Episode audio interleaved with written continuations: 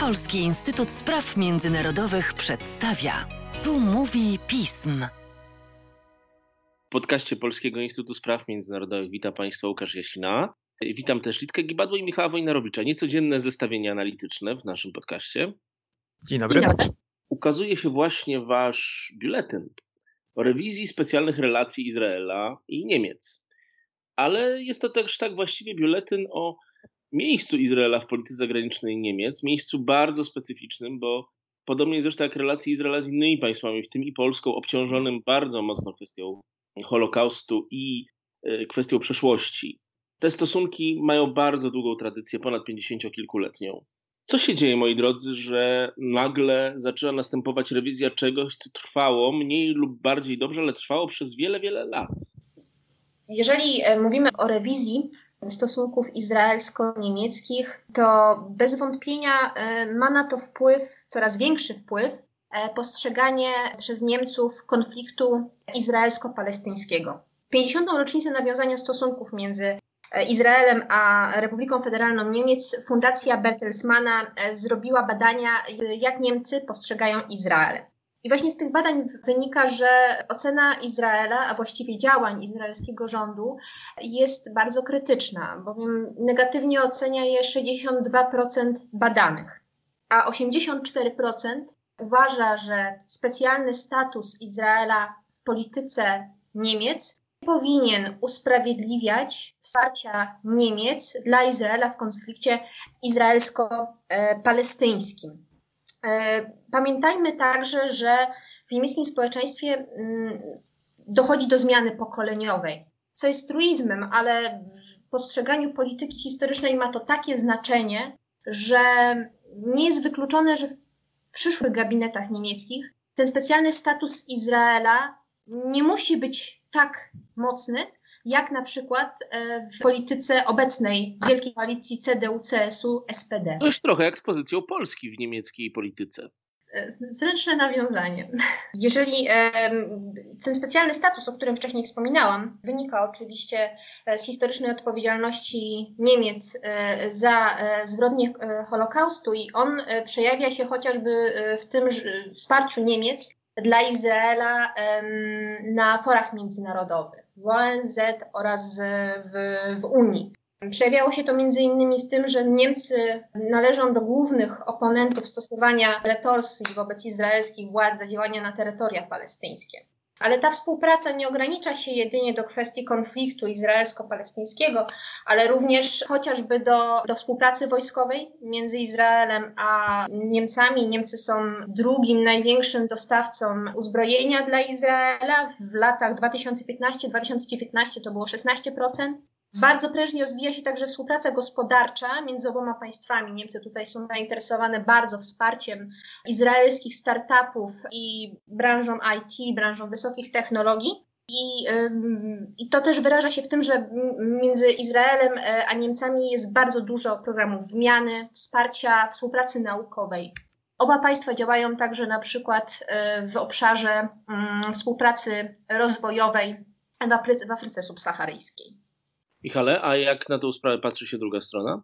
No, dla Izraela Niemcy są zdecydowanie najważniejszym europejskim sojusznikiem. Oczywiście y, nikt nie zapomina tego bagażu historii, zawsze z tyłu głowy jest prapoczątek tych specjalnych relacji, z czego to wyniknęło, ale izraelski rząd y, od, y, pod kierownictwem Netanyahu wie, że Niemcy będą może liczyć na Niemcy jako na rzecznika swoich interesów w Europie, jednak będąc bardziej precyzyjnym, w ostatnich latach była widoczne pewne pęknięcia. To jakby szło z, mm, z dwóch stron. Z jednej strony, y, kiedy już ten proces pokojowy izraelsko-palestyński no, znalazł się w impasie, Niemcom coraz trudniej było wspierać dyplomatycznie, czy, czy tak y, trochę, trochę blankietowo y, izraelskie, izraelskie podejście, szczególnie, że rozwijało się osadnictwo na zachodnim brzegu, E, Niemcy też krytycznie podchodzili do wielu reform, które wprowadza rząd Netanyahu, dotyczących chociażby e, organizacji pozarządowych czy, czy zmian w prawie uderzających w ludność arabską. Nie było dobrej chemii między poprzednim ministrem spraw zagranicznych e, Zygmarem Gabrielem a, a, a Netanyahu. Doszło do odwołania wizyty, więc te relacje były wciąż bliskie.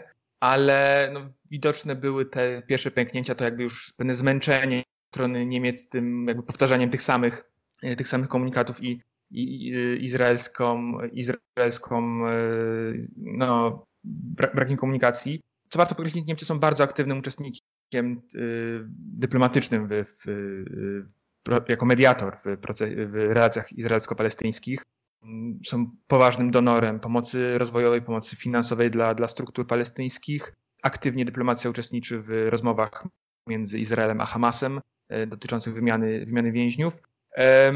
Jak ten kontekst teraz e, nakładamy na, e, na wydarzenia ostatnich, ostatnich lat, a w szczególności ostatniego roku, kiedy wizja aneksji zachodniego, na zachodnim brzegu osiedli żydowskich, jakby podkręcona, umożliwiona dzięki ogłoszeniu planu Trumpa, no, stała się dużo bardziej prawdopodobna.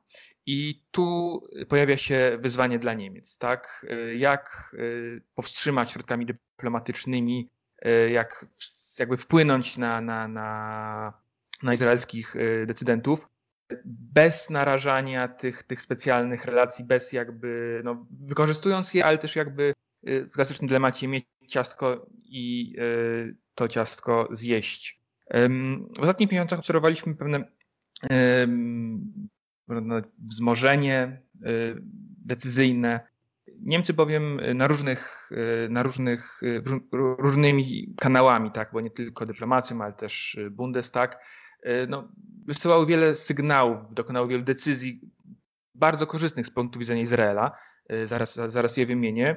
I oczywiście te decyzje można y, interpretować jako działania same w sobie, bo dotyczą na przykład y, delegalizacji Hezbollahu w Niemczech ogłoszonej w kwietniu, decyzja w sprawie śledztwa Międzynarodowego Trybunału Karnego w sprawie terytoriów palestyńskich. Tu Niemcy no, zgłosili zastrzeżenie, że y, Palestyna jako, jako nie państwo nie może być stroną statutu, nie może dochodzić swoich praw przed MTK. Było, było potępienie przez Bundestag ruchu BDS, działającego na rzecz y, no, propalestyńskiego ruchu, który wzywa do, do bojkotu Izraela.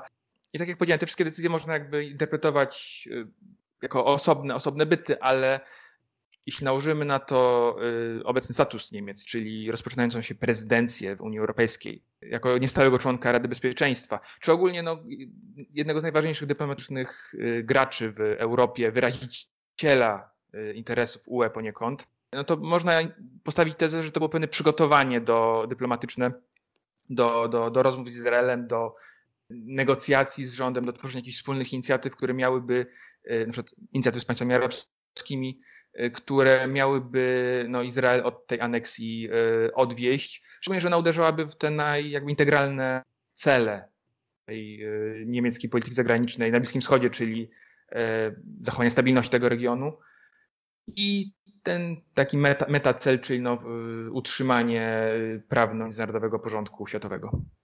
Itko, niemiecka opinia publiczna, y, jak się do tego wszystkiego odnosi? Jak wspomniałam,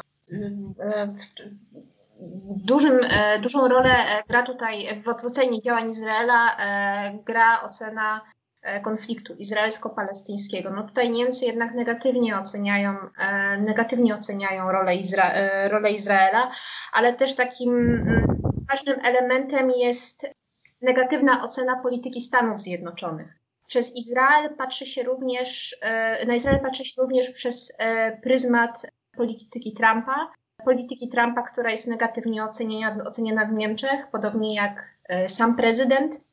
I Ocenia się to również w kontekście potencjalnej dalszej destabilizacji Bliskiego Wschodu. E, w obecnej sytuacji mierzenia się z wyzwaniem, jakim jest e, COVID, e, sytuacją gospodarczą w Unii Europejskiej, strategią klimatyczną, destabilizacja sytuacji w południowym sąsiedztwie Unii Europejskiej i potencjalne konsekwencje Mam na myśli chociażby e, e, ruch kolejnej fali migracyjnej. To jest ostatnia rzecz, której w tym, moment, w momencie Unia Europejska i również Niemcy e, potrzebują.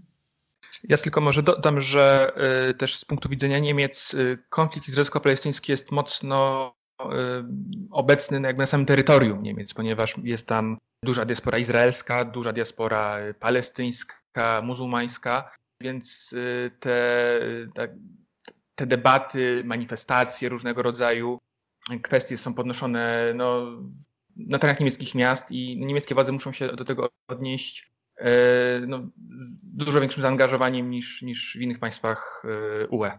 E, ten e, kontekst, o którym wspomniał Michał, wewnętrzno-niemiecki, e, to jest też właśnie kwestia wzrostu ataków na tle antysemickim. To jest też element, który utrudnia potencjalnie Niemcom przyjęcie takiego mocniejszego stanowiska wobec, wobec Izraela, ponieważ tutaj Izrael też może krytycznie oceniać władze niemieckie za niewystarczające działania w przeciwdziałaniu tym atakom.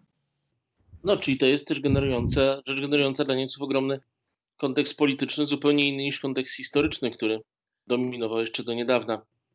Czy Niemcy mogą się stać obiektem bardzo poważnej propagandowej krytyki ze strony Izraela i jak bardzo mm, to może mieć, generować dla Niemiec skutki polityczne? Rzecz biorąc, Izrael, znaczy Europa i tak ma kiepską prasę w, w Izraelu.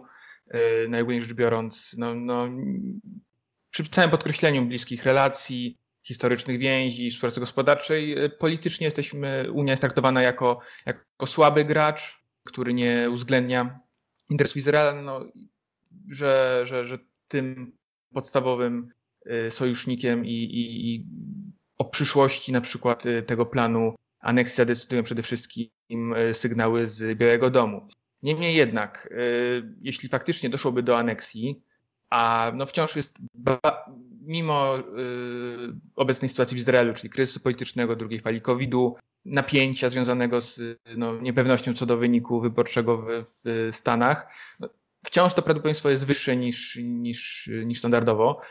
Dlatego, y, dlatego tym, tym ważniejsze jest, y, no, jest mocniejszy sygnał ze strony UE, y, że, y, że ewentualne działania spotkają się z jakąś reakcją, wykraczającą poza y, no, oświadczenie wysokiego przedstawiciela do spraw zagranicznych. I tu no, pojawia się spory niemiecki dylemat, o którym wspomniałem wcześniej, żeby mimo wszystko utrzymać te, te specjalne relacje, ale no, nie, nie, nie, nie mogąc przejść z tak poważnym naruszeniem prawa międzynarodowego do, do porządku dziennego. Najbardziej prawdopodobny scenariusz jest tak naprawdę y, niemiecka bierność ponieważ y, Unia jest y, zblokowana, część państw y, nie, nie poprze i to jest pewne jakichkolwiek reakcji czy, czy retorsji wobec Izraela. Mowa, mowa tu o, o no, chociażby nie Węgrzech czy, czy innych państwach z Europy Środkowo-Wschodniej. Niewykluczone jest podjęcie przez państwa jakby mechanizmu reakcji poza, poza Unią. Niemcy z przyczyn historycznych, o których tutaj mówili, się do tego, do tych działań raczej nie włączą, ale nie będą też ich blokować, ponieważ wyślą tym samym sygnał, że Izrael no nie, nie może już liczyć na, y, na prawie że bezwarunkowe wsparcie, że jednak coś, coś się zmienia. No i to z pewnością przyspieszy rewizję tych relacji, no, doprowadzi do swojego do swoistego urealnienia, jeśli połączy to się z tymi procesami, o których już mówiła Lidia. Tak przemija świat, który znamy. Litko, Michale, zapraszam Państwa do czytania biuletynu na stronie pism, a Wam dziękuję. Dziękuję. Dziękujemy.